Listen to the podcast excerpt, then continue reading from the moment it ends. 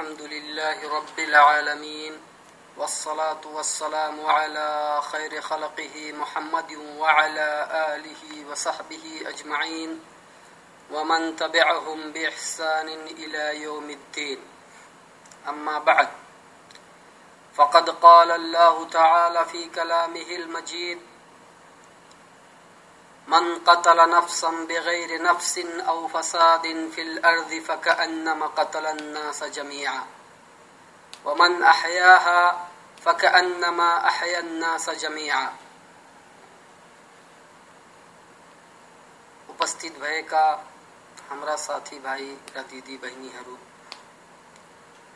म आजको यस शुभ अवसरमा तपाईँहरू समझ इस्लाम र आतंकवादको बारेमा संक्षेपमा केही महत्वपूर्ण कुराहरू राख्ने प्रयासमा छु। अल्लाहसित विन्ती छ कि अल्लाह हामी सबैलाई सत्य भन्ने र सत्य बमोजिम कार्यरत रहने सुअवसर प्रदान गरौँ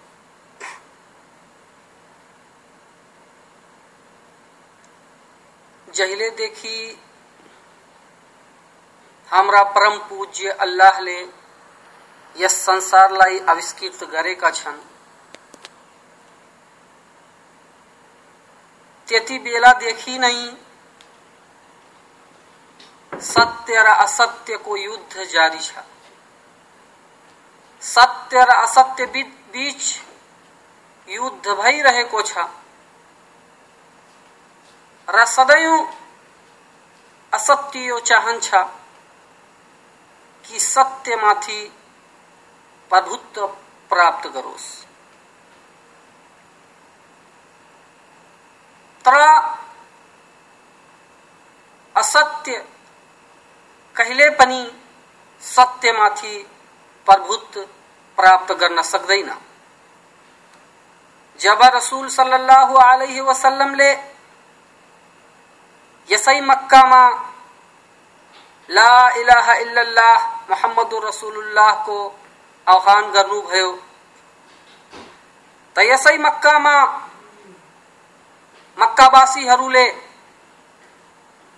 मक्काका बहुदेववादीहरूले उहाँलाई नाना प्रकारका कष्टहरू दिए।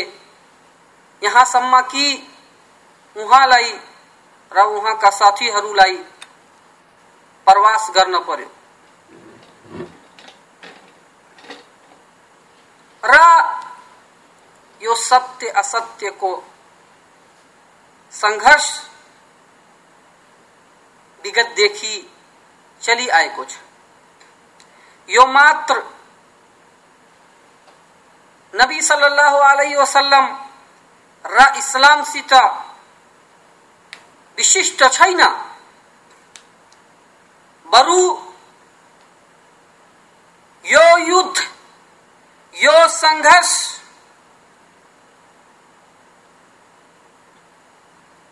सदैवदेखि चलिआएको छ र पापीहरू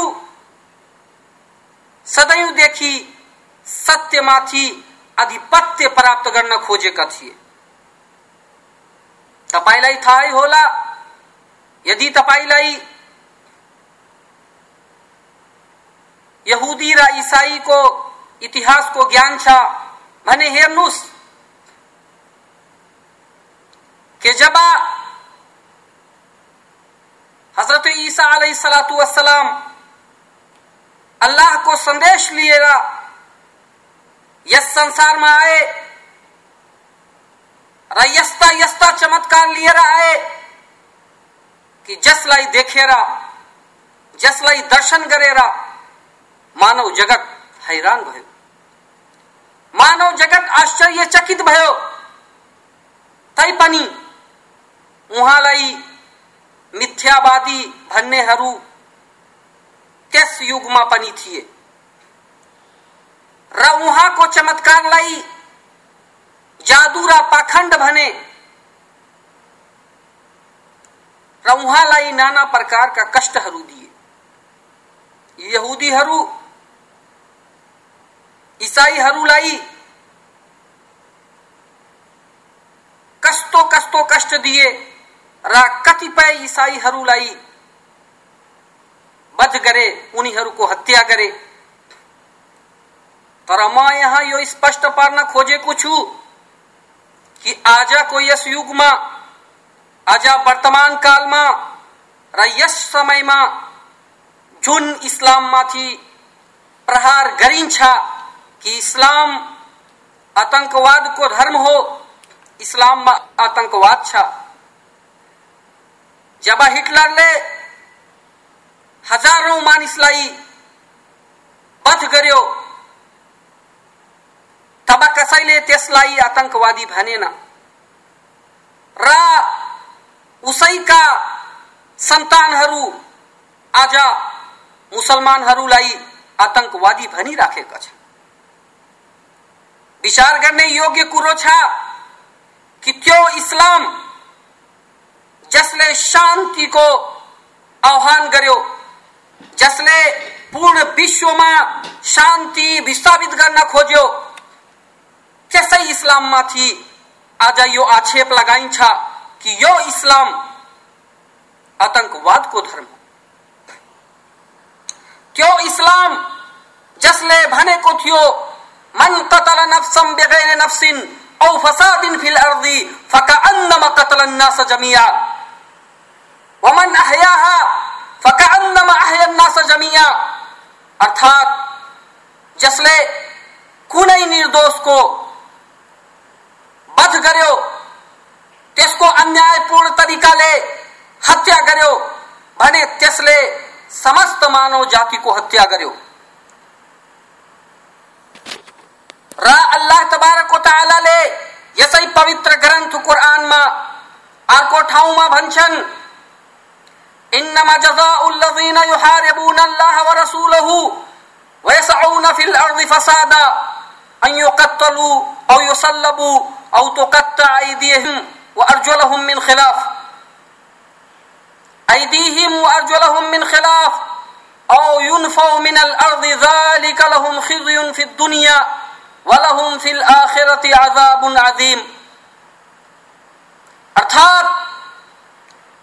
जुन मानिसहरू अल्लाह र अल्लाहको रसुलको विरोध गर्छन्, उनको विरोधमा सङ्घर्ष गर्छन्। र यस धरतीमा विद्रोह गर्छन्, फसाद मचाउन खोज्छन्, उत्पात गर्छन्। तिनीहरूको सजाय इस्लामले के तोकेको छ? औ युकत्तलु, औ युसल्लबु। औ तुकत्ता ऐदीहिम व अर्जुलहुम के उनको सजाय यो हो कि उनीहरूलाई बध गरियोस् वा उनीहरूलाई सुलीमा झुन्डियाइयोस् वा उनीहरूको एउटा हात र एउटा पाइला काटियोस्। अर्थात विपरीत दिशाले दायाँ हात काटे भने बायाँ पाइला र बायाँ भने दायाँ पाइला काटियोस्। औयुल्फो मिनल अर्थ अथवा उनीहरूलाई देश निकाला गरियोस्। फि दुनिया। यो उनीहरूको लागि सांसारिक अपमान हो। वलहुम फिल आखिरत अजाबुन अजीम। र उनीहरूको लागि पर्लेको दिन, परलौकिक जीवनमा छ निकृष्टम सजाय छ सूरतुल माइदा श्लोक नंबर बत्तीस र तैतिस र यस इस्लामलाई जसलाई आज सबै आतंकवादी भन्छन् वा आतंकवादसित यसलाई संलग्न गर्छन्। के उनीहरूलाई थाहा छैन के जब रसुल सल्लाह अलैहि वसल्लमले मक्कालाई विजय गर्नुभयो मक्कालाई फतह गर्नुभयो जसलाई फतह मुबिना भनिएको छ जसलाई सर्वोत्कृष्ट फतह र विजय भनिएको छ के यी इस्लामलाई आतंकवादसित जोड्नेहरूलाई थाहा छैन के त्यस विजयमा? के कसैको वध भयो? के कसैलाई हत्या गरियो? के एक थोपा खूनको, एक थोपा रगतको यस धरतीमा खस्यो? यस्तो भएन। रसूल सल्लल्लाहु अलैहि वसल्लमले मक्का विजय गर्नुभयो एक थोपा रगतको पनि बगाइएन त्यस विजयमा यस्तो धर्मलाई आज। धर्मका शत्रुहरू इस्लामका शत्रुहरू इस्लाम विरोधी तथ्यहरू यसलाई अत्याचारी र यसलाई टेरिस्ट भन्छन् यस्तै जब रसूल सल्लल्लाहु अलैहि वसल्लम सुलै हुदैबियाको मौकामा सन्धि गर्न लागे त्यसमा केही यस्ता कुराहरू लेखिए, जुन मोहम्मद सल्लल्लाहु अलैहि वसल्लमको र इस्लामको सम्मान विरुद्ध थियो। जसबाट मुसलमानहरू, रसूल सल्लमका साथीहरू, सहाबाहरू राज़ी थिएनन्। तर रसूल सल्लाह सोचे, यदि मेरो अपमान हुन्छ, भने हुन देऊ। म युद्ध चाहिन्न र त्यो सन्धि गरियो। के? यस कथालाई पढे पश्चात पनि कोही यो भन्न सक्छ कि मोहम्मद सल्लल्लाहु अलैहि वसल्लम मानवताका दूत थिएनन्? मोहम्मद सल्लल्लाहु अलैहि वसल्लम लाई शान्ति प्रिय थिएन अरू हेर्नुहोस् रसूल सल्लल्लाहु अलैहि वसल्लमले के भनेका छन्? उन्सुर अखाका वालिमन औ मजलुमा।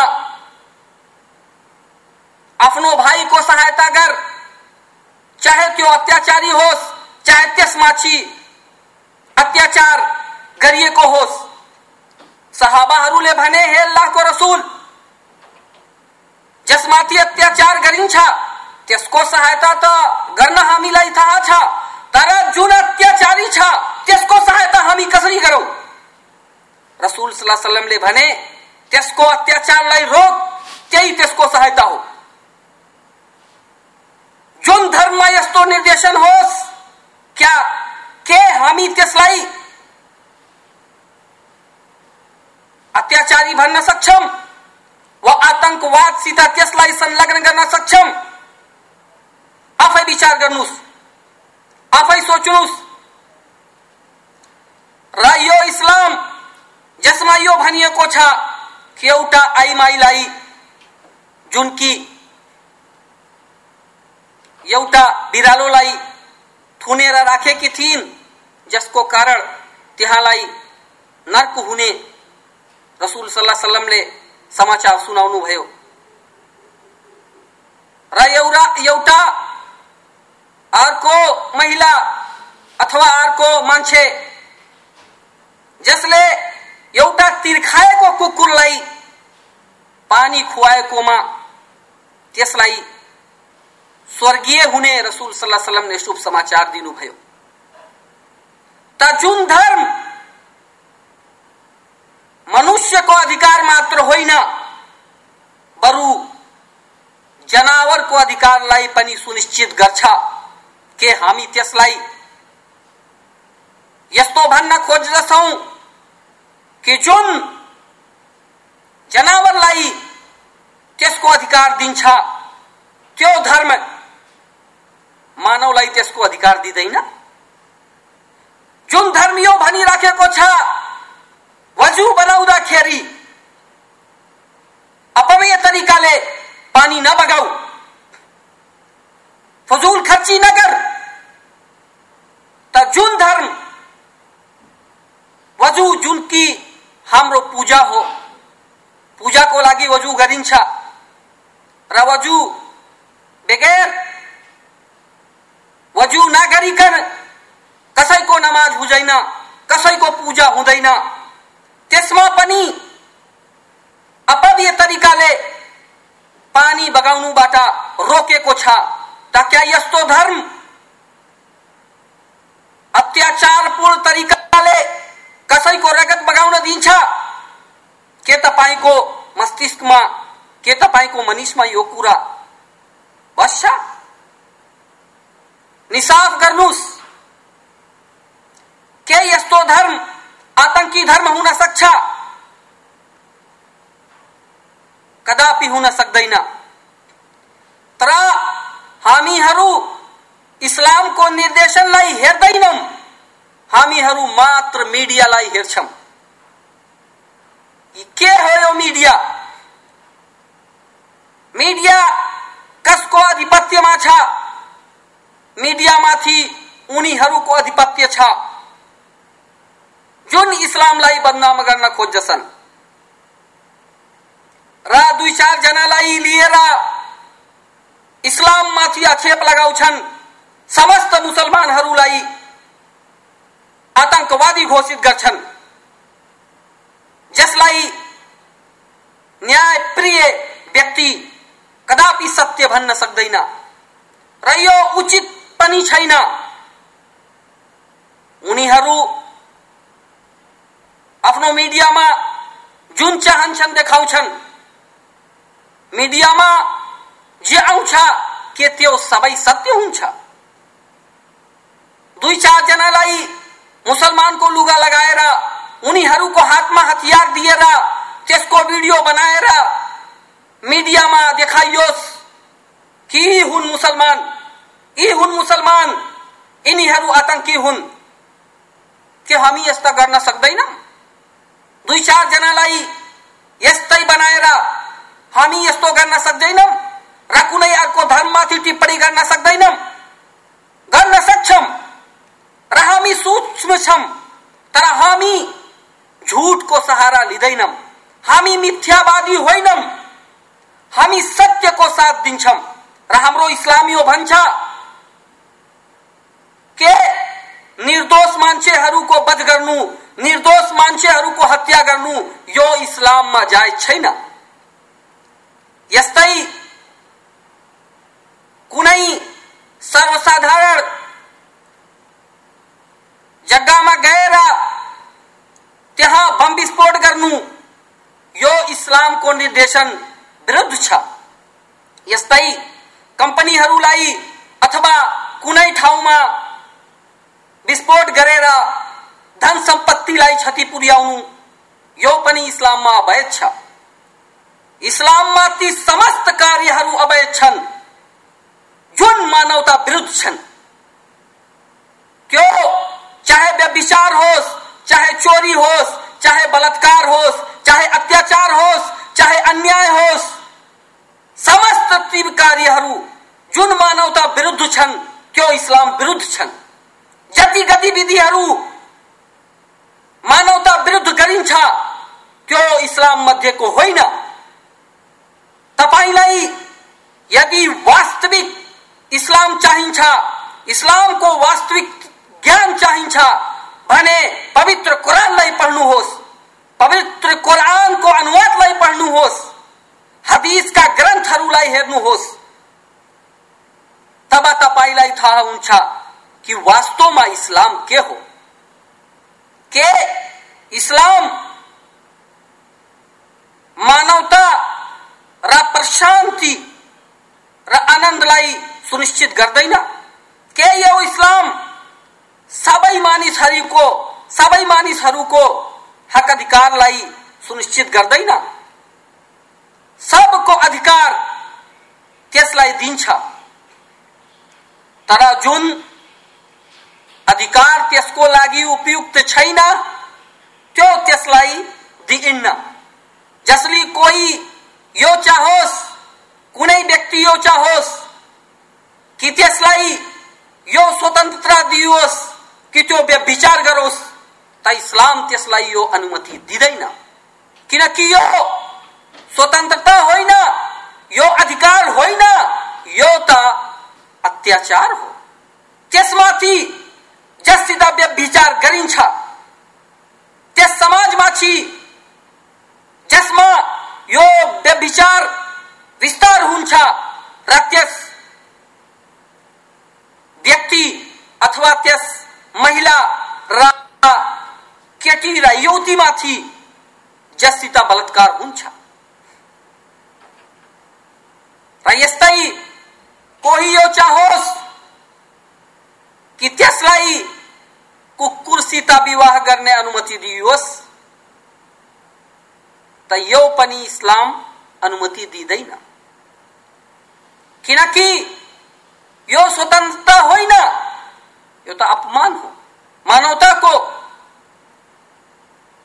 यो घृणित कार्य हो। तर जुन जायज़ अधिकार छ, चाहे त्यो समाजको अधिकार हो, चाहे त्यो व्यक्तिको अधिकार हो चा, चाहे देश को अधिकार हो सबैलाई त्यसको वास्तविक हक त्यसको अधिकार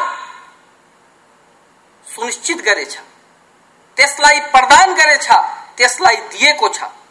यसले गर्दा हे भाइहरू यदि तपाईँहरू यो चाहनुहुन्छ के इस्लामको वास्तविकता बुझ्नुहोस् र त्यसलाई आतंकवादसित नजोड्नुहोस् किनकि त्यो आतंकवादको धर्म होइन त तपाईँमाथि पहिला यो अनिवार्य छ कि इस्लामको जुन निर्देशन छन् इस्लामका जुन निर्देशनहरू छन् पवित्र कुरानमा रसूल सल्लाह बारीमा त्यसलाई पढ्नुहोस् त्यसको अध्ययन गर्नुहोस् अनि तपाईँ आफै न्याय गर्नुहोस् कि के यो धर्म?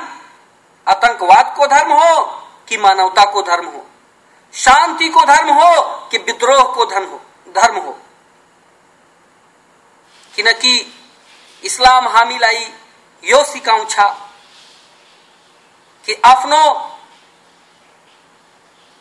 अरू जुन देशवासी छन्, चाहे ती मुस्लिम हुन्, चाहे गैर मुस्लिम समस्तको अधिकार छ। यहाँसम्म कि इस्लाममा यति छ के छिमेकीको अधिकार यति धेरै छ, चाहे त्यो मुस्लिम होस, चाहे त्यो गैर मुस्लिम होस, कि यदि तपाईँ त्यसलाई कष्ट दिनुहुन्छ भने तपाईँ घृणित मान्छे मध्येको भइहाल्नुहुन्छ तपाईँले आफ्नो छिमेकीलाई कष्ट दिएमा अरू मान्छेहरूमध्ये चालिसलाई अथवा तीसलाई कष्ट दिए जतिको पाप मिल्छ। अर्थात् आफ्नो छिमेकीलाई जुन कष्ट दिन्छ त्यसलाई रसुल सल्लमले भनेको छन् त्यो मुमिन हुन सक्दैन आस्थावान हुन सक्दैन रसूल सल्लल्लाहु अलैहि वसल्लमले भन्नुभयो अल्लाहको कसम अल्लाहको शपथ त्यो मान्छे कदापि आस्थावान हुन सक्दैन जसको कष्टबाट त्यसका छिमेकीहरू सुरक्षित नहुन् त के यस्तो धर्मलाई तपाईँ आतंकवादसित जोड्न चाहनुहुन्छ? अथवा यो मिडिया, जुन भरम हाम्रो समाजमा, पुरा विश्वमा फिजाइरहेको छ, त्यसमा विश्वास गर्न चाहनुहुन्छ? त्यो इस्लाम, जसमा यो कथा वर्णित छ कि जब रसूल सल्लल्लाहु अलैहि वसल्लम नमाज़ पढ्न जान्थे बैतुल्लाहमा काबा शरीफमा त एउटी वृद्ध थियो जुन उहाँमाथि कुरा कर्कत आदि हाल्थ्यो एक दिन के भयो त्यो बिरामी भयो त्यो वृद्ध रसूल सल्लमले सोधे वृद्ध कहाँ छ त्यसले आज कुरा हालेन त भनियो त्यो बिरामी छ रसूल सल्लम त्यसको हेरचाहको लागि त्यसको अवस्था जान्नुको लागि त्यसको घरमा पुगे। त्यो वृद्धले सोच्यो आफ्नो मनमा सोच्यो विचार गर्यो मोहम्मद कस्तो मान्छे रहेछ? मैले यसलाई जीवनभरि कष्ट दिए तर यो कस्तो मान्छे छ? आज मेरो हेरचाह गर्न आएको छ। उहाँको यस शिष्टाचारलाई हेरेर उहाँको यस मानवतालाई हेरेर त्यसले इस्लाम स्वीकार्यो इस्लाम कबुल गर्यो। यसर्थ मसँग धेरै समय छैन। म अन्त्यमा तपाईँहरूसित यो अनुरोध गर्न चाहन्छु कि यो मिडियालाई नहेर्नुहोस्। यो मिडिया भरम फैलाइरहेको छ। इस्लाम विरुद्ध मुसलमान विरुद्ध र आफू स्वयं त्यो कर्म गरिरहेको छ जुन आतंकवादको घेरामा आउँछ जुन आतंकवादको सीमामा आउँछ जुन मानिसहरू आज इस्लाममाथि टिप्पणी गरिरहेका छन् यदि तपाईँ उनीहरूको जीवनी हेर्नुहुन्छ उनीहरूको गतिविधिलाई हेर्नुहुन्छ भने तपाईँमाथि यो प्रश्न भइहाल्छ कि वास्तवमा आतंकी गतिविधिहरू उनीहरू गरिरहेका छन्। मुसलमानहरू होइन। मुसलमानहरू बिचारा आज वर्तमान कालमा उनीहरूको अवस्था अति दयनीय छ। अति दयनीय छ। उनीहरूलाई पूर्ण विश्व विनष्ट गर्न खोजिरहेको छ। किनकि यस में एक सत्य धर्मलाई एक सत्य धर्मलाई यिनीहरू राख्न चाहन्न जसरी कि कतिपय समाजमा हेरिन्छ, यदि त्यहाँ सबै भ्रष्ट छन् भने एक सत्य मान्छेलाई त्यहाँ राख्न चाहन्न। यस्तै इस्लामको आज वर्तमान कालमा अवस्था भइसकेको छ त्यसको सत्यता नै त्यसको लागि घातक भइसकेको छ त्यसको सत्यताले गर्दा सबै यो चाहन्छन् सबैको यो कामना छ। यसलाई पनि यदि गर्न सकियोस् भने आफू जस्तै गरियोस् नत्र यसलाई विनष्ट गरियोस् यसलाई ध्वस्त गरियोस्। तर अल्लाह तबारक तालाले भनेका छन्, इन्ना नहनु व इन्ना लहु